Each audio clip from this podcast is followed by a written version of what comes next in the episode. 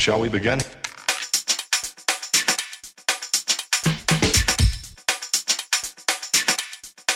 Let's begin.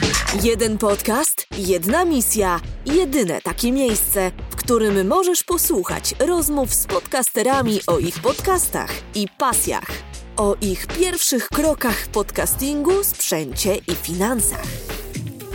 Przed Wami gospodarz audycji, Krystian Zych i jego dzisiejszy gość. Wiecie co? Fajnie znowu jest usłyszeć głos Magdy, która zapowiada podcast. Witam Was po bardzo długiej przerwie w audycji Porozmawiajmy o podcastach. Wracamy na antenę po, oj, chyba roku nieobecności. Będą pojawiać nowe rozmowy. Właśnie za moment mm, będziesz mieć okazję wysłuchać pierwszej z nich. Dzisiaj będzie bardzo kulturalnie. Będziemy rozmawiać z Marcinem Stanslikiem o podcaście o nazwie Kulturalnie. Porozmawiamy trochę, skąd pomysł na taki podcast, jakie były największe problemy Marcina, dlaczego Marcin tak długo zwlekał z nagrywaniem swojego podcastu. Przy okazji Marcin ma dla Was bardzo, bardzo istotną radę dla wszystkich osób, które próbują coś nagrać, które próbują przygotować swój, swój pierwszy odcinek. Rada Marcina będzie naprawdę bezcenna. Tutaj go w 100% popieram. Jaka to rada dowiecie się w trakcie nagrania. A żeby już nie przyciągać, po prostu zapraszam do wysłuchania mojej rozmowy z Marcinem Stancikiem z podcastu Kulturalnie. Witaj Marcinie, co słychać ciekawego w kulturze? Dzień dobry, Krystianie, witam wszystkich słuchaczy. Wszystko dobrze. Myślę, że kultura to bardzo szeroki temat i żeby mówić, co słychać ciekawego w kulturze, musielibyśmy jakoś rozdzielić wszystkie elementy czy wszystkie części składające się na tą kulturę na kilka tych poszczególnych tematów, a dopiero potem mówić, co się każdym z nich dzieje. Czyli widzisz, pierwsze pytanie i od razu złe pytanie zadałem, tak? Nie w taki sposób, jaki powinienem je zadać? Niezłe. Myślę, że po prostu kultura to bardzo szeroki obszar, w którym możemy się poruszać. A pytanie, co dzieje się w kulturze, to tak samo jakbyś zadał pytanie, co dzieje się w kosmosie w tej chwili, prawda? Który jest bardzo rozległy, jak y, wszyscy wiemy. I tak samo można tego porównać kulturę. Bardzo rozległą, bardzo podzieloną na różne tematy. A jaką częścią kultury ty się zajmujesz? No bo Każdą. domyślam się, domyślam się, że trudno jest ogarnąć całość, tak? Tak samo jak trudno jest ogarnąć lub porównać do kosmosu. W moim podcaście miałem już odcinki o muzyce, o teatrze, który teraz będzie bardzo mocno rozwijany, o muzyce, który bardzo będzie powiązany z tym teatrem. Miałem gry, miałem jakieś aplikacje internetowe, więc od gier przez książki, przez filmy, po muzykę, aż po teatr, więc zajmuję się prawie że każdym działem tej kultury. Czyli mimo wszystko starasz się dosyć szeroko iść, tak? Nie ograniczać się do jakiejś wąskiej niszy. A skąd w ogóle pomysł na podcast dotyczący kultury? Kultura jednak jest dosyć niszowym tematem. Ja zauważyłem, że, nie wiem, być może ty również, że największą popularnością cieszą się tematy rozwoju osobistego, zdrowia, biznesu, marketingu, tym podobne kwestie. Natomiast Mhm. kultura jest tak trochę, no, nie należy do tych najchętniej słuchanych. Wiesz co, tutaj też trzeba znaleźć te podcasty według mnie, bo są sieci podcastów, nie wiem, czy mogę powiedzieć, mogę powiedzieć jakie? Mów. Zrobimy komuś. Podsłuchane, podsłuchane.pl na przykład, którzy tam mają kilka tych podcastów, które są kulturalne i ich słucha dość dużo ludzi. Myślę, że też dużo podcastów jest o grach, jest podcastom, podcasty popkulturowe, więc jak ktoś się interesuje, to na pewno znajdzie podcasty, które mu odpowiadają. Kultura czy niszowy temat? No na pewno jakiś tam niszowy temat, ale jest dość dobrze wypełniony. Czyli mówisz, że nie jest to coś takiego, że jak kultura, to od razu nikt nie słucha, tak? I, I nie ma audycji, nie ma słuchaczy i w ogóle nic się nie dzieje. Jednak coś tam na tym rynku kulturalnym, przynajmniej tym rynku audio, słychać. Tak, na pewno.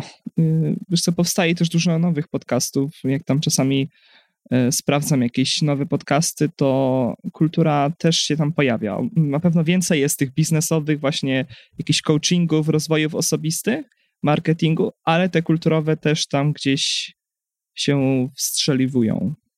Jeżeli chodzi o nowe podcasty, które się pojawiają, to ja bardzo często obserwuję, w ogóle staram się na bieżąco być z tym, co dzieje się przynajmniej na polskim rynku podcastów i zauważyłem, że wiele podcastów powstaje, ale bardzo szybko umiera.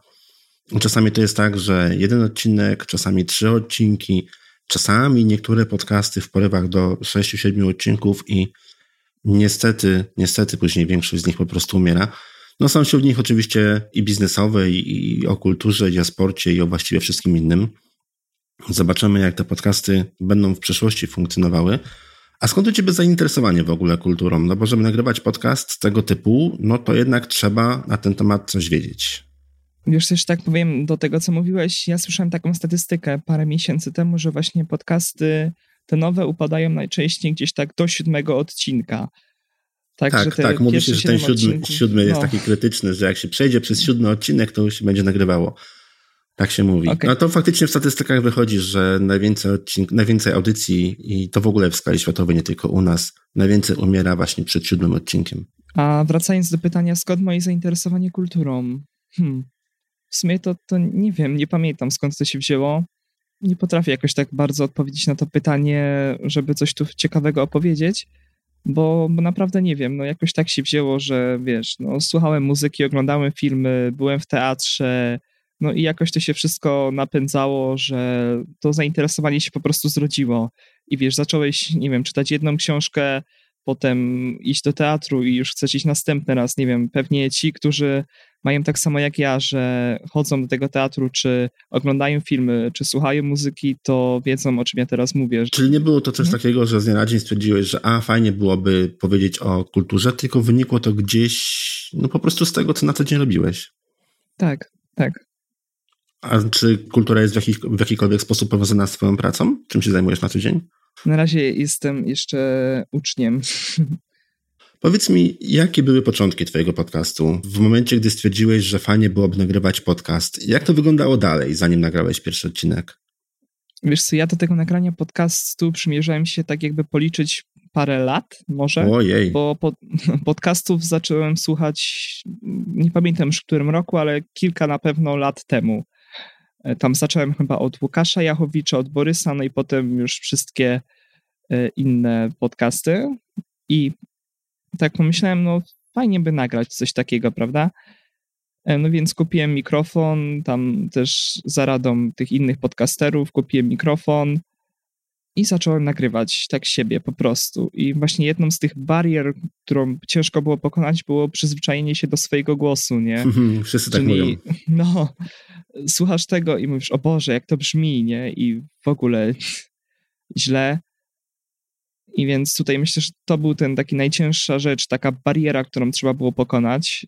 I to trwało parę lat, zanim się przyzwyczaiłem. Po drodze też zacząłem jakieś ćwiczenia na emisję głosu, czy tam oddechowe, czy właśnie, żeby to jakoś poprawić. I widzę teraz po tych kilku latach, że to coś dało. Skoro wypuściłem ten podcast i on jakoś brzmi, Czyli przymierzałeś się kilka lat, tak? I, I co spowodowało, że nagle zacząłeś nagrywać, że to nie było dalej przemierzanie się, tylko, tylko po prostu ruszyło? Takie moje właśnie nagrywanie zaczęło się parę miesięcy temu. Z tego co pamiętam, chyba w kwietniu tego roku. I zacząłem już nagrywać. Stwierdziłem, że to brzmi jakkolwiek dobrze, słuchalnie, że tak to nazwę. No i zacząłem nagrywać i zacząłem się zastanawiać nad formą podcastu, nie? I na początku miały być to jakieś recenzje, czy omówienia, czy jakieś zapowiedzi, ale jakby o tych recenzjach czy omówieniach raz, że ciężko rozmawia się bardzo solo, a dwa, że tego jak ktoś poszuka, to to znajdzie, prawda? A na polskiej scenie podcastingu nie zauważyłem, nie znalazłem wywiadów z twórcami kultury, bo były te wywiady z jakimiś biznesmenami, z marketingowcami, z ludźmi od rozwoju osobistego, ale nie było miejsca dla wywiadów kultury. Więc stwierdziłem, że to jest ten fragment, który chcieli, chciałbym mm, zapełnić. No i zacząłem po prostu. Zacząłeś nagrywać w kwietniu. Widzę w tej chwili na Twojej stronie, że pierwszy odcinek tak. pojawił się pod koniec maja. Od właśnie od kwietnia, od maja to było to kombinowanie nad tą formą, na te przygotowania, bo z tego co pamiętam, to z Patrycją umawialiśmy się już gdzieś tak na początku czy w środku maja. Więc jakby tutaj też trzeba było znaleźć czas, żeby to nagrać. Z Patrycją jakby... mówisz w tej chwili o swoim pierwszym gościu, tak? O gościu, tak? tak, tak, tak do pierwszego tak, odcinka. Tak. Mówisz, że nie lubisz, swojego, nie lubisz słuchać swojego głosu. Przekonałeś się już do siebie, czy dalej nie możesz się słuchać? W pewnych momentach tak, ale są też takie momenty, kiedy dalej jest na nie, więc zależy myślę od tego, jak, jak to wyjdzie. Ale jak nagrywasz, nie wiem, co decyduje. Jak nagrywasz, to słuchasz, słuchasz się w słuchawkach podczas nagrania? Tak, tak, mam na słuch cały czas. Tak, czyli, czyli mimo wszystko próbujesz zmusić się, tak, żeby się słuchać. Tak, no czyli no po prostu, wiesz, nasłuch też daje inne możliwości, na przykład czy jakieś szumy, czy jak coś stuka, czy wiesz, uderzam na przykład o biurko, to słyszę to w nasłuchu i potem można to jakoś fajnie wyeliminować. O, Chociaż słuchajcie, ja słuchajcie podcasterzy, co on mówi, dobrze prawi. Ja takich rzeczy nigdy nie robiłem, w sensie jak odsłuchiwałem siebie, jeszcze wtedy bez nasłuchu, dawno, dawno temu, czyli nagrywałem siebie i dopiero odsłuchiwałem, co nagrałem, to nie zauważyłem, żebym takie rzeczy robił, ale zdarzało się tak, że właśnie słyszałem na nasłuchu, że coś stuka, że coś szumi i po prostu wtedy można to jakoś łatwo wyeliminować i słychać, że to przeszkadza, nie? A nie, że nagrywamy i potem ojej, stuka i co z tym zrobić. Słusznie. Bardzo dobre jest, bardzo dobrym zwyczajem jest słuchanie na bieżąco tego, co się dzieje, e, co się nagrywa. Wiele osób nie zakłada słuchawek do nagrywania podcastu, bo nie lubią się słuchać. A właśnie to, co mówisz, bardzo dużo elementów jesteśmy w stanie później po prostu wykluczyć już nawet w trakcie samego nagrania, bo słyszymy stuknięcia, tak? Słyszymy hałas gdzieś. Jak się za bardzo oddalamy od mikrofonu, to słyszymy, że są tutaj różnice w dźwięku, że coś jest nie tak, że się musimy poprawić. Czy też czasami, jak jesteśmy za blisko, jak za bardzo plujemy w mikrofon, wszystko to na bieżąco słuchać, wszystko na bieżąco jesteśmy w stanie korygować. No także to jest dobry zwyczaj. Dokładnie. Dobry zwyczaj nagrywanie Dokładnie. ze słuchawkami na uszach. A używasz takich malutkich z telefonu, czy masz jakiś konkretny mm, Wiesz sprzęt? co, do poprzedniego odcinka, czyli nie tego, co teraz wypuściłem w poniedziałek z Pawłem, tylko do piątego, używałem takich zwykłych Samsunga chyba, a od teraz, od niedawna, od jakichś dwóch, nie, od tygodnia mam już y, pioniery, więc... Inwestujesz więc w sprzęt krótko po, Porządne wiesz co, może nie inwestuję, ale takie słuchawki też przydadzą się nie tylko przy nagraniach podcastu, więc to nie tylko do podcastu, ale jak na razie to znalazły swoje zastosowanie głównie przy mikrofonie. Okej, okay, do sprzętu jeszcze wrócimy, bo będę miał kilka pytań odnośnie mikrofonu i procesu nagrywania, później też procesu edycji tych nagrań. Powiedz mi jeszcze odnośnie samych nagrań. Miałeś problem ze znalezieniem mm, pierwszego gościa do podcastu? Bardzo często jest tak, skąd moje pytanie? Bardzo często jest tak, mhm. że gdy zaczynamy nagrywać podcast, szykujemy sobie listę potencjalnych gości, nagle się okazuje, że no dobra, okej, okay, piszemy czy też dzwonimy do kogoś, słuchajcie, bo ja bym chciał nagrywać podcast, tak, i, i czy będziecie moimi, moimi gośćmi, a druga strona w tym momencie, no ale jak nie nagrywasz, no to gdzie mam być tymi gośćmi? Bardzo często na początku są tego typu problemy właśnie, że nasi potencjalni goście, goście, których byśmy chcieli, nie chcą nas odwiedzić, bo jeszcze nic nie mamy do zaprezentowania. Wiesz co, ja miałem takie szczęście w pierwszym odcinku, że trafiłem na Patrycję, którą jeszcze raz bardzo serdecznie pozdrawiamy. Machamy I... do Patrycji? Tak, machamy. I ona zgodziła się być tym pierwszym gościem i myślę, że z tego, co słyszę po, innych, po tych recenzjach, czy dostaję feedback od ludzi, może niekoniecznie recenzje, to wyszło to bardzo fajnie, przynajmniej z tego, co słyszałem. To nie było wtedy jeszcze tak, jak jest teraz, czyli nagrywałem to po prostu na mikrofonie postawionym na statywie na biurku, a nie w warunkach studyjnych jak aktualnie. No więc trafiłem na super pierwszego gościa, który zgodził się, a potem już poszło dalej.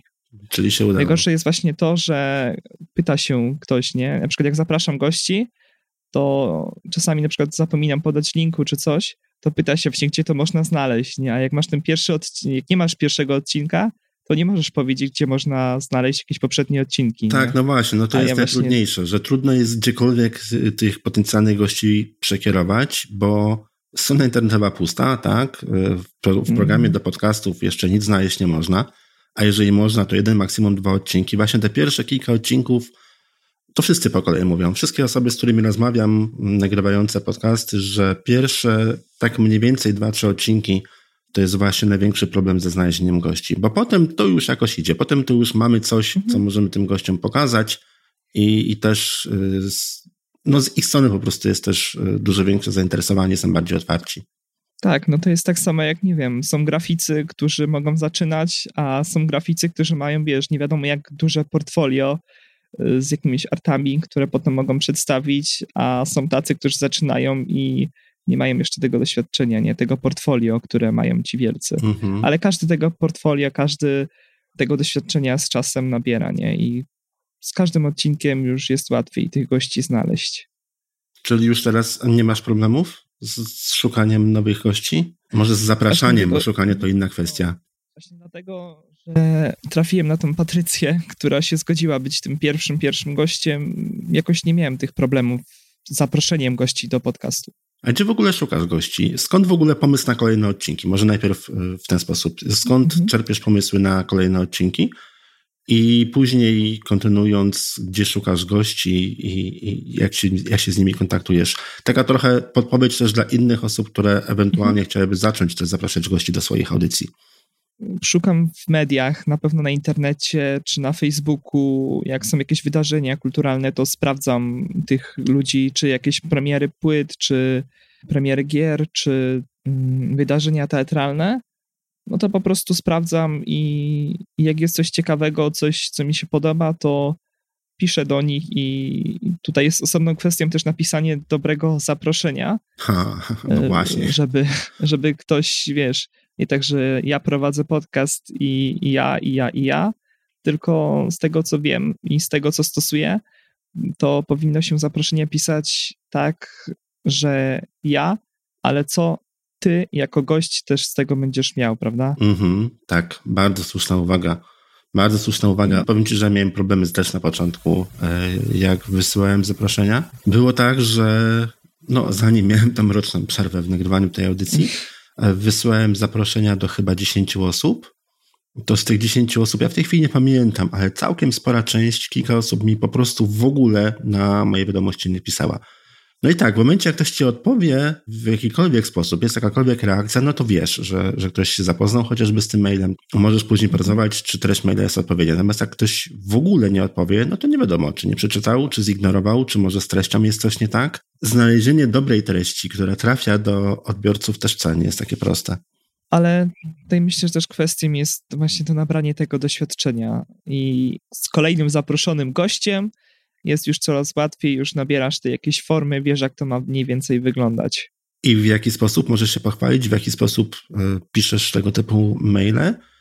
Mówisz, że y, przedstawiasz również, co gość dzięki temu zyska. Co, jak to ja mniej więcej wygląda?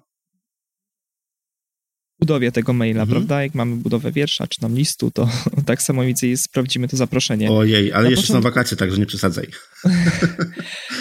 E, no więc na początku przedstawiamy, ja przedstawiam się, czy tam przedstawiam mój podcast, potem piszę, o czym byśmy mogli pogadać, takie wstępną treść podcastu, wstępne pytania, tylko że to nie jest lista pytań, którą już potem dogadujemy sobie z gościem w momencie, gdy on już to zaproszenie przyjmie, mhm. ale takie wypisane rzeczy, które chciałbym poruszyć po sprawdzeniu jakby ich twórczości, prawda? No więc tu myślę, że to jest ten największy bodziec, który powoduje to, że ludzie chcą przyjść do tego podcastu. No i potem oczywiście mamy jakieś tam linki, czy właśnie to portfolio, czyli te poprzednie odcinki, Facebook, czy jakieś inne strony. A skąd pomysły na kolejne odcinki? No, szukam gości, sprawdzam ich twórczość, zapraszam Aha, czyli, i nagrywam. E, czyli, czyli, czyli to nie wygląda w ten sposób, że e, gdzieś ci tam świta jakiś pomysł, że może byś porozmawiał o czymś tam, potem szukasz do tego tematu gościa, tylko najpierw masz osobę, tak? E, opatrzoną. Tak, znaczy staram się szukać osoby i pod mhm. osobę już przystosowuję odcinek, pytania i wszystko inne. Dużo pracy musisz poświęcić, żeby przygotować się do takiego nagrania? Wiesz co, czy dużo pracy to nie, ale jednak myślę, że jest to więcej roboty niż przy przygotowaniu odcinka, w którym możemy pogadać z kolegami o czymś, nie? A, no to Czy wiadomo. pogadać o, o naszym, nie wiem, o naszym biznesie, coś, co znamy, coś, co tworzyliśmy, niż wiesz, przygotować serię pytań pod kogoś, żeby to było związane z nim, prawda? No tak, i tak, żeby jeszcze z tej rozmowy coś wynikło, tak? Żeby wyciągnąć jakiś, jakiś sens. Jak przedstawiasz swoim gościom swoją audycję, mówisz o, wspomniałeś również o Facebooku, tak? Że, że chwalisz się Facebookiem, ale nie masz swojej strony internetowej. Nie mam. O stronie internetowej myślałem, ale myślę, że jeszcze jest jakby, przynajmniej dla mnie, jest jakby za wcześnie, żeby stworzyć jakąś stronę internetową. Mhm. Tym bardziej, że Anchor, o którym myślę, że będziemy jeszcze gadać potem, oferuje mi taką stronę, gdzie po prostu można tych podcastów posłuchać, a jak chcę się skontaktować z moimi słuchaczami, to właśnie wrzucam coś na Facebooka. Pytam dlatego, że też jest taka opinia, że strona internetowa jest najważniejsza, że bez strony internetowej to się nie da. Wiem, że są audycje, mogę przedstawić też kilka przykładów audycji, które świetnie funkcjonowały bez strony internetowej. Wspomniany już wcześniej Łukasz Lachowicz nie miał bardzo długo swojej strony internetowej. Do dzisiaj bardzo popularny podcast Elite Mentality też nie ma swojej własnej strony internetowej, ty nie masz swojej strony internetowej. No i trochę się to kłóci z takim ogólnym poglądem, że ta strona to jest najważniejsze, że ta strona musi być i bez własnej strony to się tak naprawdę w ogóle nie da. Facebook wystarcza, nie masz problemu z komunikacją tylko i wyłącznie przez mhm. Facebooka i Enhora. Na stronie publikowałbym mniej więcej bardzo podobne materiały, co tam, więc na razie nie czuję takiej potrzeby, żeby ona była. Może w przyszłości, jak będzie więcej słuchaczy, to może. A jak promujesz swoją audycję? No Widzę jak, na twojej stronie właśnie... internetowej, że jest podłączona pod stronę również i grupa. Tak? tak grupa tak, słuchaczy jest, grupa, kulturalnie podcast. Jest w tej pięknej, wdzięcznej nazwie którą trzeba zmienić. Na razie nie mam jeszcze jakiegoś fajnego tytułu na tą grupę, ale zapraszam wszystkich. Y, tam w sumie to jeszcze nie publikuję jakichś ekskluzywnych dla tej grupy materiałów, ale ta grupa dopiero co powstała. Powstała myślę chyba tydzień temu. Tam jest chyba 40 osób jeszcze, ale myślę, że będzie ich więcej i jak będzie ich więcej, to mam też już jakieś zaplanowane konkursy, ale jeszcze nic nie mówię. Mhm, czyli warto zapisać się do grupy, tak? Podamy w takim razie adres strony internetowej facebook.com ukośnik kulturalnie podcast, łącznie pisane i tam znajdziecie zarówno informacje o podcaście, jak i też link do grupy. Grupa jest zamknięta, czyli nie mogę w tej chwili sobie nie wchodząc do grupy, nie dołączając do grupy zobaczyć o czym się tam pisze. Ach, a chciałem podpatrzeć Zapraszam. trochę. Będę się musiał zapisać. Zobaczymy, czy mnie administratorzy Zapraszam. zaakceptują. Powiedz mi o Anchorze troszkę, bo powiedziałeś, że Anchor ci wystarcza. Co oferuje mhm. Anchor? Anchor jest stosunkowo mało znaną platformą. Jest to miejsce, Oj, może, wiem, tak trochę, tak może tak trochę ogólnie. W Polsce mało w Polsce. W Polsce, w Polsce mało znaną, bo ogólnie to nie. Tak może troszkę informacyjnie. Anchor jest miejscem, gdzie możemy publikować swoje nagrania. Powstał jakiś czas temu do tego, żeby publikować krótkie fragmenty, krótkie wycinki nagrań audio, natomiast w pewnym momencie, to było mniej więcej w tym okresie, kiedy były problemy finansowe SoundClouda, takie dosyć mocno nagłośnione, Anchor również bardzo mocno zainwestował w podcasty i przygotowali platformę dla podcasterów. I opowiedz mi troszkę o Anchorze. Co, co on proponuje, co on oferuje podcasterowi, co dzięki niemu możesz tam zrobić? Okej, okay, to jeszcze sobie wypisałem trochę historii. Anchor był założony w 2014 roku, a jego pierwsza wersja była w 2016 roku. No i teraz już zatrudniają tam kilkadziesiąt osób, mają biuro w Nowym Jorku. Ciekawe rzeczy się nam dzieją w tym Nowym Jorku. Szkoda, że nie mieszkamy w Ameryce, bo Anchor na przykład zrobił coś takiego jak Anchor Lab, czy już nie pamiętam jak to się nazywało, Anchor, Pod, Anchor Podcast Lab czyli udostępnili po prostu studio dla podcasterów i mogą tam iść i sobie nagrać podcast za darmo. W Nowym Jorku, kilka, jeszcze... w Nowym Jorku kilka firm udostępnia swoje studia, gdzie można po prostu iść i nagrać sobie swój podcast za darmo. No, trochę daleko mamy niestety. Anchor też. tak. Ale e, co oferuje Anchor? No na pewno za darmo jest hosting, więc tutaj też co mnie skłoniło do wyboru tego Ancora, że był za darmo hosting właśnie, bo nie wiedziałem, wiesz, nie chciałem płacić na przykład za Spreakera, czy za SoundClouda, czy za Lipsyny, łóżki i inne rzeczy, dlatego, że nie wiedziałem po prostu, czy to się rozwinie, prawda, mhm. czy wiesz o co chodzi, mhm. nie? To no wiadomo, te inwestycje początkowe staramy się ograniczyć, tak? Właśnie, tym bardziej, że już wydałem dość dużo na mikser, na mikrofon, na kable wszystkie, więc Tutaj jakby hosting by dokładał jeszcze kolejne złote do podcastu, a w sumie wtedy jeszcze nawet go nie było. No i właśnie Anchor daje fajną tą stronę podcastu i po prostu tam mam opis podcastu, mam logo, mam wszystkie odcinki po kolei, więc ta strona podcastu jest taka, jaka powinna być. Po trzecie, dystrybucja podcastu. Anchor ma dwie opcje dystrybucji podcastu. Pierwsza to jest Only on Anchor, Czyli po prostu uploadujemy podcast na Anchor mhm. i on tam sobie jest, jest tylko na Anchorze i można go słuchać tylko na Anchorze. Ale jest druga opcja, czyli publish podcast everywhere. To jest super opcja tego, że po prostu to klikamy i rzeczy same się dzieją. Ja potem dostaję tylko maila, że twój podcast jest już dostępny na iTunesie, twój podcast jest tam na Radio Public, na Breakerze, na Spotify, bo w sumie też nie wiedziałem, że ten podcast będzie na Spotify. O, Anchor ale Anchor ze mi- Spotify'em? Tak, od chyba miesiąca. Jakoś tak. Już nie pamiętam, kiedy, kiedy mi Anchor właśnie wysłał maila, że your, podcast jest dostępny na Spotify. Więc na Spotify też jestem i na kilku innych serwisach. Castbox chyba. W ogóle pierwsze, pierwsze usłyszałem takie nazwy, ale e, Anchor Znaczy, no, Castbox akurat jest dosyć popularną e, aplikacją, jeżeli chodzi o słuchanie podcastów. Natomiast wymieniłeś tam po drodze nazwy, których przyznam nie znałem wcześniej. Breaker, tak? Tam było Breaker, Breaker. Radio Public to słyszałem. Radio Public jest Tak, też tak. takim też jest ogólnym generatorem właściwie, takim miejscem, taką no. platformą, gdzie, gdzie się zbierają różne podcasty. Breakera nie znałem w ogóle na przykład. Widzę, że na liście jeszcze jest e, Spotify, Google Podcast, Pocket Cast, czyli właściwie wszystkie te, naj, te najpopularniejsze, Overcast, tak, najpopularniejsze platformy. Castbox jest bardzo fajną platformą, ale niestety on jest płatny z tego co pamiętam. Castbox? Castbox. Chyba nie. Y, Pocket Cast jest płatny. Pocket Cast jest na pewno płatny. Pocket Cast Tak, kosztuje chyba Castbox? 13 zł. Castbox Tak. albo ma dwie wersje, płatną i bezpłatną. W każdym razie coś mi się, Możliwe, bo coś mi się z kojarzy tego, co z sprawdzałem, chyba nie było płatne. Chociaż nie wiem, nie wiem. No tak, no ale jeżeli jest dystrybucja do Google Podcast i jest dystrybucja do Apple Podcast, to Apple tak Podcast, naprawdę i do Spotify'a tak naprawdę w tym momencie to jest dystrybucja wszędzie.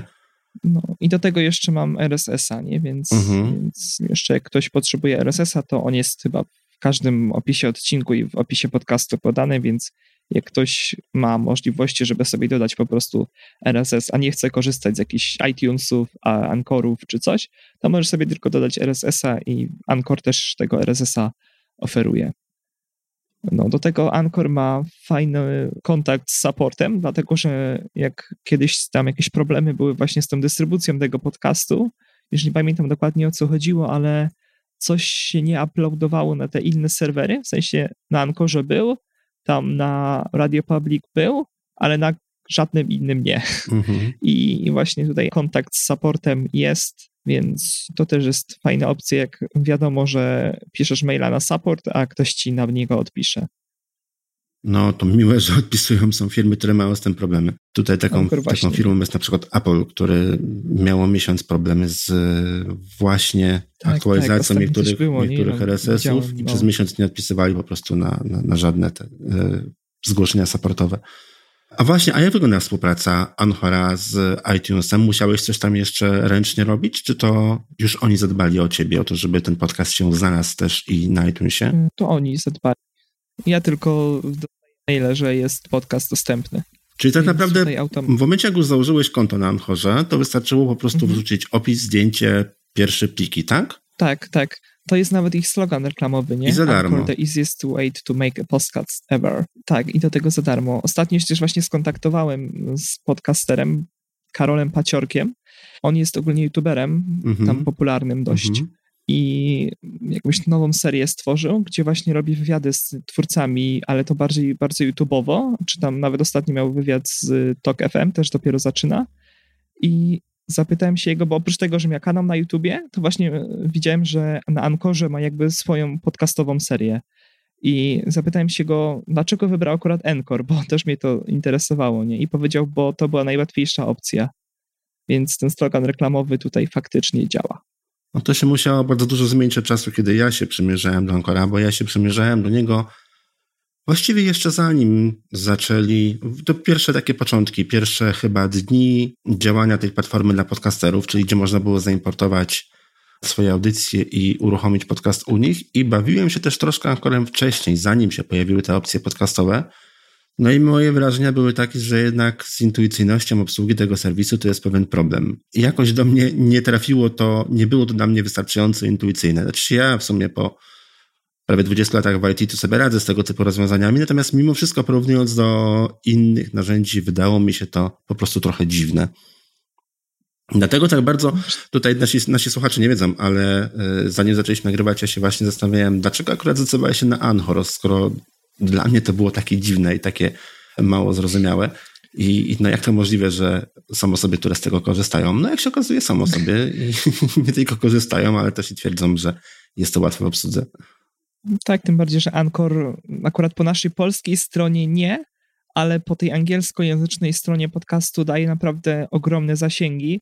Tym bardziej, że widziałem ostatnio jakieś statystyki, które mówiły, że tam na Ankorze chyba 10% czy Musiałem sprawdzić teraz, gdzieś to widziałem na Twitterze chyba, że ponad 10 czy kilka, albo nawet więcej, kilkadziesiąt procent wszystkich opublikowanych odcinków podcastów było na Ankorze.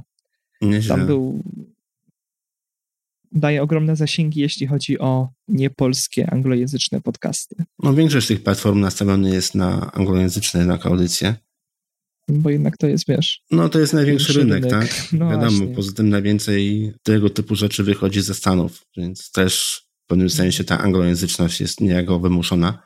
No to może będę musiał kiedyś jeszcze raz przymierzyć się do Anchora, zobaczyć jak, jak on teraz działa. Być może po zmianach, które nastąpiły w ostatnim czasie, faktycznie będzie to łatwiejsze. Bardziej, że ostatnio nawet jest większa jakość dźwięku, bo kiedyś on przekonwertowywał te pliki dźwięku do jakiegoś M4A, jakiegoś aplowskiego w ogóle dziwnego formatu plików, a teraz już normalnie można uploadować MP3 w dość wysokiej jakości. M4A Więc... to jest tak, to jest aplowski format, z tak. którym są problemy na innych urządzeniach, nawet czasami na komputerze z Windowsem. Nie zawsze, nie w każdym no tu chcę to odtwarzać. No i właśnie Anchor to przekonwertowywał na to M4A i tam to też były dość duże skargi, że on zaniża jakość dźwięku w dół, bo właśnie przez to M4A. Ale teraz już, już można MP3 i wszystko działa na MP3 idealnie, więc ja uploaduję już podcast w MP3 i, i jest różnica jakości i brzmi to fajnie.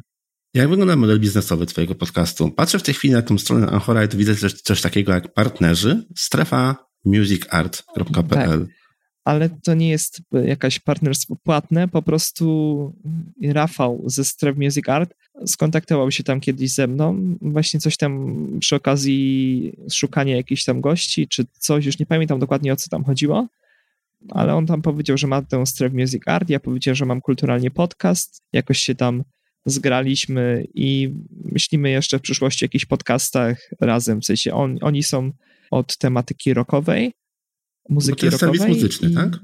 Tak, to jest serwis muzyczny właśnie o tematyce rockowej i myślimy tam kiedyś o może jakimś tam, właśnie jak będą goście typu rockowi, to myślimy opublikować ten podcast po prostu jako kulturalnie podcast i jako oni i jakby, żeby to jakoś się połączyło.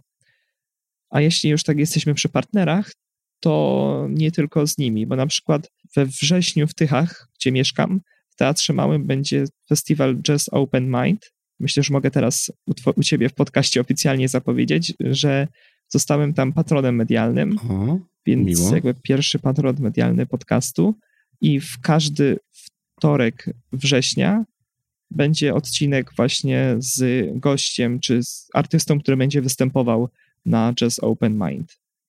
Więc tutaj taka współpraca z teatrem w Tychach. No, to I miło. druga współpraca właśnie z teatrem w Chorzowie, który odcinek ukazał się wczoraj, czyli 27 sierpnia. Jest odcinek szósty, tak? Szkoła Chorzowie. Bluesa. Tak, odcinek szósty. Szkoła Bluesa z Pawłem z Teatru Rozrywki w Chorzowie rozmawialiśmy o, o spektaklu. I tutaj też mamy plany właśnie z Teatrem Rozrywki na jakąś tam współpracę w przyszłości. No to fajnie. To fajnie, zapowiada się nieźle, biorąc pod uwagę, że masz zaledwie 6 odcinków, tak? Czyli to portfolio, o którym przedtem mówiliśmy, nie jest jeszcze takie potężne wcale. To tego typu współprace na pewno cieszą, no i na pewno pozwolą ci zyskać pewną kolejną pulę słuchaczy. Mam nadzieję. Masz dostęp do statystyk na Anchorze? Orientujesz Tak, się, mam. tak? Czyli Mam- orientujesz się, tak? Jak to wygląda w, te, w, tej, Tak. chwi- w tej chwili? Wiesz co, nawet możemy też myślę opowiedzieć. Mam dostęp do statystyk, widzę liczbę totalną odtworzeń, która już nawet przekroczyła tysiąc, więc takie małe brawa. Bardzo mnie to cieszy, że słuchacie. Mam średnią ilość odsłuchań gdzieś tak na odcinek. Mam pulę czasu, czyli e, wykres czasu, Mhm. gdzie widzę na przykład na miesiące, na dni, na, mogę sobie podzielić tam w wybranym okresie czasu, ile było odsłuchań i mam jakby odsłuchania typowo pod odcinki, czyli widzę po prostu ile, ile mają odsłuchania odcinki, ale też mogę sobie sprawdzić, ile jakby odcinki miały odsłuchań w tym konkretnym dniu, który odcinek miał, więc tutaj też. I mam fajne statystyki dotyczące, gdzie podcast jest słuchany. No to powiem, że są te platform. statystyki bardziej zaawansowane niż niektórych płatnych serwisów. Tak, mam, widzę gdzie, ile na Spotify, ile na Anchorze, ile na Pocketcaście, ile na iOSie, ile na Google, ile na iTunesie, na Overcastie i, i innych. A jak wygląda, tak z ciekawości zapytam, słuchalność podcastów na Spotify'u? Bo słyszałem, że każdy chce być na Spotify'u, ale nikt tam podcastów nie słucha. U mnie jest to po Anchorze drugi najpopularniejszy serwis, więc tutaj jest ponad 100. Tutaj już trzeba było znać inne statystyki, Mhm. co to jest ponad 100, ale to jest, no jest. No dobra, no ale Są mówisz drugi najpopularniejszy, to o czym świadczy? Rozmawiałem z kilkoma podcasterami właśnie, którzy mają swoje podcasty już dostępne na Spotify, to mówili, że no jest to właściwie bardziej jako ciekawostka, bo ilość odsłuchań jest praktycznie marginalna. Na przykład na Spotify mam więcej niż na Pocketcaście, na Androidzie, na, na, czyli na Google, na iTunesie, na Overcastie, Mhm. więc słuchają ludzie na Spotify. Czy jako ciekawostka, no na pewno fajnie jest być na Spotify i wiesz, to tam pewnie jakoś też zwiększa pozycjonowanie tego podcastu w wyszukiwarce. No na pewno poza No, tym po Spotify prostu w rynek ktoś- podcastów wszedł stosunkowo niedawno, bardzo długo, bo przez wiele miesięcy ociągali się w ogóle z publikacją podcastów. W pewnym momencie się okazało, że mają ileś tam dziesiąt tysięcy podcastów w kolejce do dodania, a robi to jakaś jedna osoba ręcznie, bo się okazało, że nie działa im automat, który stworzyli. Także w pewnym momencie były straszne zaległości. W tej chwili idzie to już w miarę na bieżąco, ale jakby nie było, jest to, jest to coś nowego, jeżeli chodzi o rynek podcastów, bo do tej pory przecież Spotify nie zajmował się w ogóle takimi rzeczami. Ale wiesz co, te serwisy streamingowe, które oferują właśnie streaming muzyki, czyli typu Spotify, Deezer, przynajmniej te dwa, myślę, że takie najwięksi gracze, na pewno Spotify jest największy, Deezer francuski, może Mhm. mniej znany, ale też jest, korzystałem z niego przez pewien czas. Też mam w swojej ofercie podcasty. Nie polskie, bo w Polsce nie oferuję jeszcze zaproponowania tam podcastów, ale ogólnie podcasty na Deezerze też są, więc te serwisy streamingowe też poszły w jakąś tam dystrybucję podcastów. To widać, jak bardzo fajnie się ten rynek rozwija, co jest bardzo miłe. Co jest bardzo miłe. Nie ukrywam dla mnie również. Mnie również cieszy, jak w statystykach te słupki są coraz to wyższe. Staram się nie bazować na tych statystykach jakoś tak za bardzo, bo no, w końcu nie nagrywamy podcastów, przynajmniej większość z nas nie nagrywa podcastów dla słupków, tak, dla tabelek, tylko dla frajdy nagrywania, ale jednak mimo wszystko miło, jak te słupki, te kreski są coraz to wyższe, wartości coraz to takie większe, fajniejsze. Dokładnie. Padło coś takiego, że nagrywasz w warunkach studyjnych. Co to znaczy? Masz swoje studio? Można powiedzieć, że studio nie, ale warunki studyjne mam tutaj na myśli tak zwany recording box, Mhm. czyli nie wiem, wiesz co to jest? Ja wiem, tak, ale być może nie No, wszyscy nasi okej. słuchacze wiedzą, wiesz, gdybyś mógł wyjaśnić w paru słowach. Tak, oczywiście. Jest to coś w rodzaju pudełka do nagrywania, jeś- jeśli chodzi o tłumaczenie dosłowne, a jest to po prostu pudełko, czy jakieś opakowanie, pojemnik, karton, może karton nie, ale coś w kształcie prostopadłościanu, gdzie wsadzamy mikrofon, wygłuszamy to pianką na przykład i po prostu w tym nagrywamy. I jakość jest o wiele lepsza. Przetestowałem, sprawdziłem. Robiłeś Jest sam tego typu box, czy te skupny? Tak, tak, Sam tak, robiłeś. robiłem sam. Czy taki, taki do it yourself, tak? Mikołaj, Tak. z którym rozmawiałem bodajże w trzecim odcinku, sam robił pop filtr z wieszaka i rajstop. Korzysta z pop filtra? Tak. Ale sam robiłeś? czy tym razem kupny? Mam i kupny, i taki samorobiony, Mhm. ale korzystam z tego kupnego. A z jakiego sprzętu korzystasz? Jaki masz mikrofon i co tam jeszcze u ciebie stoi na biurku czy też pod biurkiem? Mikrofon to mikrofon dynamiczny Samsung Q6, czyli ten jeden z tych tańszych, ale bardzo fajny. Mhm. Przynajmniej u mnie się sprawuje bardzo dobrze. No do tego mam właśnie ten pop filtr, mam taki jakiś statyw, ale to mm, nic takiego specjalnego. Do tego mam mikser, ale to też taki chiński mikser sprowadzony z AliExpress. Nazywa się Amun i F4 chyba. Taki po prostu tani mikser z Chin, żeby dało się podłączyć niego mikrofon i, i też działa. No, do tego mam kable XLR i w sumie to tyle. A powiedz mi, jak nagrywasz gości? Czy masz drugi mikrofon, czy to są nagrania zdalne? Nagranie zdalne właśnie przez CleanFit. Aha, czyli używasz tego narzędzia, z którego w tej chwili korzystamy, Tak. które właśnie przed właśnie momentem, właśnie przed momentem e, stwierdziło, że chyba mnie jednak nie lubi. Wiesz co, mi działało chyba prawie zawsze, poza jednym przypadkiem, którego w sumie nie umieliśmy chyba w trzecim odcinku z Teatrem Chorea. CleanFit nam nie zadziałał i coś się tam stało, ale już i chyba w piątym odcinku z Wikimedią, z tego co pamiętam, były problemy z tym CleanFitem. Podchodziliśmy do nagrania drugi raz, ale już po tym drugim razie wszystko już chodziło tak, jak ma chodzić, więc CleanFit jako do nagrywania myślę, że fajna platforma. No na pewno, na pewno sprawdza się i no, z tego, co przynajmniej czytam w internecie, gdzieś na różnego rodzaju grupach dla podcasterów, czy różnego rodzaju stronach z recenzjami, to zdecydowanie mniej sprawia problemów technicznych, jeżeli chodzi później o dostęp do tych nagrań, pobranie ich, o synchronizację, niż chociażby też niezwykle popularny Zencastr. Z Zencastrem co jakiś czas są dosyć losowe problemy, natomiast na Cleanfit raczej się użytkownicy nie skarżą. Też kiedyś testowałem właśnie Zencastra, to po prostu głos czasami tak cięło, a na Cleanfeedzie nigdy mi go nie zacinało, więc tutaj też był ten wybór padł na Cleanfeeda między innymi z tego powodu. Ja zrobię któregoś dnia, bo się przemierzam już, tylko muszę po prostu mieć czas. Ostatnio miałem sporo, sporo zajęć, sporo warsztatów różnego rodzaju prowadziłem, nie było kiedy. Przymierzam się, żeby zrobić taki test porównawczy kilku platform do e, nagrywania właśnie online, do rozmowy z drugą osobą. No i jest właśnie na liście CleanFit, jest Zencaster, jest nowa wersja Skype'a i Zoom. Te cztery narzędzia z racji popularności chciałbym przetestować i być może trafi mi się jeszcze jakieś, jeszcze jakieś jedno, może dwa. I właśnie chciałem zrobić taki test porównawczy, po prostu pokazać, zdemonstrować nagrania, pliki audio e, ze wszystkich tych platform, nagrywanych w identycznych warunkach, czyli te same osoby w tym samym, z tym samym netem na tych samych urządzeniach. Sam jestem ciekawy wyników, jak to, jak to wszystko wyjdzie i który z nich tak naprawdę oferuje lepszą jakość, który gorszą, bo no tak właśnie, jeżeli chodzi o tego typu platformy, to każdy ma inną opinię, każdy ma inne zdanie, każdy ma inny sprzęt, inny internet i to różnie wygląda później.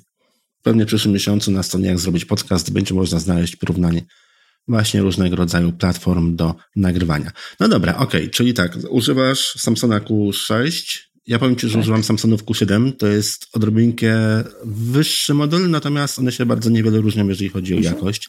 Tam są jakieś minimalne tylko różnice y, w którymś tam z parametrów. Też sobie bardzo chwalę mikrofony mhm. Samsunga i jestem z nich bardzo zadowolony. Jak wygląda później u Ciebie proces nagrywania? Z czego korzystasz? I jak wygląda później proces edycji? Z jakiego programu korzystasz do nagrywania podcastów? Nagrywam podcasty na tym, czego używamy aktualnie, czyli Kinfeedzie mhm. oraz Audacity. Audacity. I edytujesz, rozumiem, tak. też w Audacity? Tak, tak, tak. No i jak wygląda taki proces? Masz nagranie, e, powiedzmy z tak. Kinfeeda, tak? Gdzie masz dwie ścieżki, jedną swoją, drugą ze swoim gościem. Tak. No i tak, wiadomo, każdy ma inny mikrofon, są różne głośności, są różne poziomy szumu, są różne, różne inne przypadki typu y i tym podobne. Jak wygląda proces edycji takiego nagrania u ciebie? E, no na początku, wiesz, staram się dobrać tak, żeby był w jednym momencie, w sensie, że są zsynchronizowane. No mhm. i potem już typowe odszumianie, jakieś kompresje, jakieś czasami EQ, e, czy wycinanie właśnie jakichś, y, czy innych przeszkadzających, niepotrzebnych e, cisz, czy rzeczy, które są zbędne.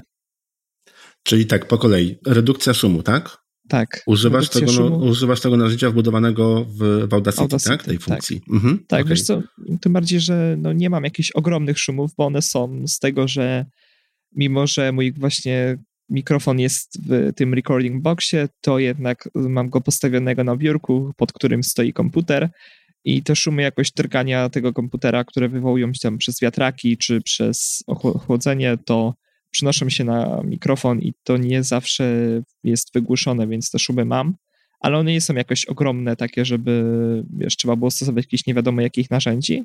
To odszumianie w Audacity w zupełności wystarcza. Do tego jakiś tam kompresor, jakaś normalizacja, no i czasami EQ. Mnie ten kompresor szczególnie interesuje. W jaki tak. sposób ustawiasz kompresor w, w Audacity? Ponieważ ja mm. spotkałem się mhm. już z, opinia, z opiniami, że kompresja w Audacity jest bardzo nieintuicyjna i są osoby, które nie używają, bo najzwyczajniej w świecie po prostu nie wiedzą, w jaki sposób mają e, tego kompresora używać, co mają z nim zrobić.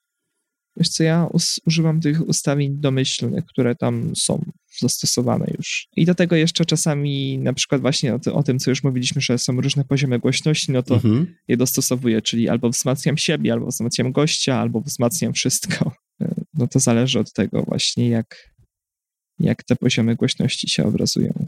Mhm. A korzystasz później jeszcze z jakichś dodatkowych narzędzi, z jakichś innych wtyczek, innych jeszcze funkcji, czy też z serwisów typu Auphonic na przykład, czy, czy coś innego? Czy, czy już nie? Nie, nie, już nie. Ewentualnie sprawdzam, czy głośność jest e, dobra, nawet z twojego, z twojego polecenia, tam gdzieś z twojej strony Urban Loudness Meter, Mhm. meter, jakoś tak, no to właśnie z tego narzędzia Właśnie chciałem, chciałem spytać właśnie, czego używasz do, do tej kontroli, czy, bo czy tak Audacity głośno- sam sobie ma w skalę w troszkę inny sposób zbudowaną i on nie pokazuje tej głośności, tej skali, jaka jest używana właśnie przy tych miernikach. Czyli korzystasz z Orbana, tak? Orban Tak. Loudness Meter. Tak, Fajne, fajne, bezpłatne narzędzie. No ja korzystam regularnie, e, bardzo często i za dzisiaj ja z Orbana korzystam w różny sposób i w różnych sytuacjach, bo e, bardzo często jest tak, że jak słucham jakichś nowych audycji, szukam nowych audycji, szukam nowych podcastów, e, odsłuchuję je w miarę możliwości w internecie, bo zanim zasubskrybuję, to zawsze chcę odsłuchać przynajmniej odcinek czy dwa. I w momencie, jak słyszę, że coś mi z takim nagraniem, z, z nagraniem nie pasuje, albo są bardzo duże różnice głośności pomiędzy poszczególnymi elementami, albo ogólnie całość brzmi jakoś tak za cicho czy za głośno, to wtedy po prostu ściągam sobie taki odcinek na dysk i bardzo często e, właśnie wchodzi w tym momencie e, do użycia Orban Loudness Meter i sprawdzam, jak takie odcinki wyglądają. E, No i wiele razy zauważyłem, że wielu podcastom przydałaby się na przykład jakaś kompresja, albo przydałaby się jakieś troszkę wzmocnienie głosu, bo jednak są, są problemy.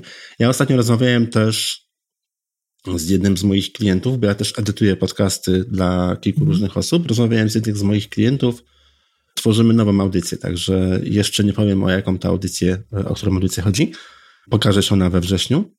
W każdym razie rozmawialiśmy o słuchaniu podcastów między innymi e, w samochodzie, na autostradzie, gdzie wiadomo, szum jest dosyć duży, tak, hałas całkiem, na całkiem wysokim Mhm, poziomie no. i niestety, ale nie wszystkich audycji w ten sposób da się słuchać. No i tutaj bardzo często właśnie rozwiązaniem jest umiejętne zastosowanie kompresji. No dobra, i z Audacity to wszystko później konwertujesz już do MP3. do MP3. Dobra, jakiej jakości MP3? Mono, stereo, z jakimi ustawieniami? Y, Stereo, a ten perset, ten największy jaki jest, czyli chyba 312, tak? Dobrze pamiętam.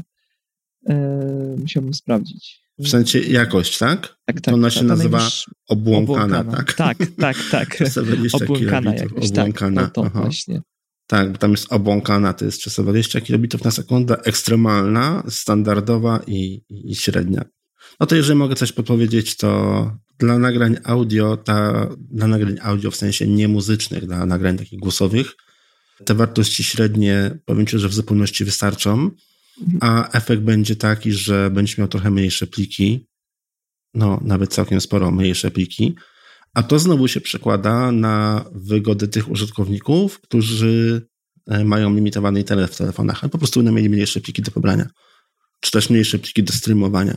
Także tutaj rzadko kiedy, rzadko kto jest w stanie usłyszeć różnicę w nagraniach głosowych pomiędzy średnią tutaj a tą e, obłąkaną. To naprawdę trzeba jakiegoś audiofila zaawansowanego. A podcastów bardzo często słuchamy gdzieś, gdzieś w ruchu, gdzieś też robiąc inne czynności. Tak. Więc myślę, że tutaj te ustawienia średnie ci w zupełności wystarczyły. Jakieś Dzięki plany na przyszłość, jeżeli chodzi o rozwój podcastu, czy też rozwój twojego studia? No na pewno już o, o czym rozmawialiśmy, czyli strona internetowa, a do tego więcej odcinków, może jakaś regularność, która tutaj powinna być, a jej aktualnie nie ma, bo nie ma, bo ciężko tak czasami znaleźć gości, przygotować im te pytania, a myślę, że największym tutaj, najgorszym tym wyzna- wyznacznikiem, ale jednocześnie najwięcej znaczącym jest czas. Czyli umówić się z kimś, żebym ja miał czas, żeby ten gość miał czas i żeby tak się z każdym umawiać na ten czas, to on jest tutaj właśnie najgorszym przeszkodą. Więc jakaś regularność, strona internetowa. No i myślę, że cały czas rozwijanie tego, więcej odcinków, jakieś może w przyszłości inne partnerstwa z innymi Mówisz tak, mówisz scenami. e, o regularności. Jeden odcinek w maju, dwa Tak. odcinki w czerwcu, dwa odcinki w lipcu. No w sierpniu jeden się pojawił, tak? tak w sierpniu, była, bo, bo tak nie było przerwa. na wakacjach. No, wakacje to jest taki okres, tak, że No, większość tych audycji po prostu e, jest przygaszana, że tak powiem, na pewien okres. Jak mówię, we wrześniu ta regularność będzie, we wtorki września będą te odcinki związane z Jazz Open Mindem w Tychach, Mhm. w Teatrze Małym w Tychach. No to już teraz w pewnym sensie wymuszona taka punktualność, tak, żeby te odcinki były regularnie, regularność. Czy, wymuszona? No po prostu tak sobie ustaliłem. tak sobie ustaliłem, tak chcę, żeby to było, żeby to było regularne, bo ten wydarzenie odbywa się na koniec września, no i więc akurat fajnie, bo jest czterech chyba artystów i każdy z nich będzie miał dla siebie po prostu każdy wtorek. Mhm. Powiedz mi jeszcze parę słów, tak trochę skaczemy po tematach, może trochę e, nie po kolei, ale powiedz mi jeszcze parę słów, jeżeli chodzi o nagrywanie, o początki twojego podcastu. Co sprawiło ci największy problem w ogóle w całym tym procesie, pomijając to, że nie lubisz się słuchać? W całym O. procesie tworzenia podcastu, czyli i przygotowywania się do nagrywania audycji i też e, ewentualnie podczas już nagrywania czy edycji swoich, swoich nagrań. Co było dla ciebie największym wyzwaniem? Co było największym problemem, z którym nie mogłeś sobie poradzić? Zresztą to już powiedzieliśmy o tym głosie, to był Mhm. jeden z tych bardzo poważnych problemów, dzięki którym się wstrzymywałem przez dużo, dużo, dużo czasu. E, A takim innym problemem, czy obawą bardziej, którą mam, to czasami jak nagrywam z gościem i mamy listę pytań i połowę tych pytań mamy zrobioną już po na przykład 10 minutach. I martwię się, na przykład, wiesz, odcinek miał być tam, nie wiem, półgodzinny, bo tak fajnie mi to wychodzi, że za, zawsze mam odcinki około pół godziny, 20 minut, a połowę pytań mamy zrobionych już po 10 minutach i wiesz, drugie 10 wyjdzie jakieś 15 minut, czy tam 20 i, i może być to jakieś za krótkie, więc tego się też często obawiam, ale potem już, jak już widzę, że ten licznik 20 minut jest przekroczony, to już jestem spokojny o dalszą część. Jeszcze jakieś trudności. Czyli bardziej kwestie takie Hmm. merytoryczne, tak? Niż, Tak. niż techniczne. Wiesz co, no techniczne to ogarniam jakoś. Z technicznych problemów raczej nie. Mhm. Jeżeli chodzi też tutaj o ten czas nagrania, o to, o to przekraczanie tych, tych kilku czy kilkunastu minut, to wiesz co, to chyba każdego męczy, albo przynajmniej, przynajmniej większość osób. Ja mam to samo, że jak rozmawiam z kimś, mam jakąś listę przygotowanych pytań, mówię, no tak, no dobra, okej, a co będzie, jak ten ktoś będzie mi odpo- No. odpowiadał tylko tak, nie. No to co, no jak zadawać pytania? jak rozmawiać z taką osobą?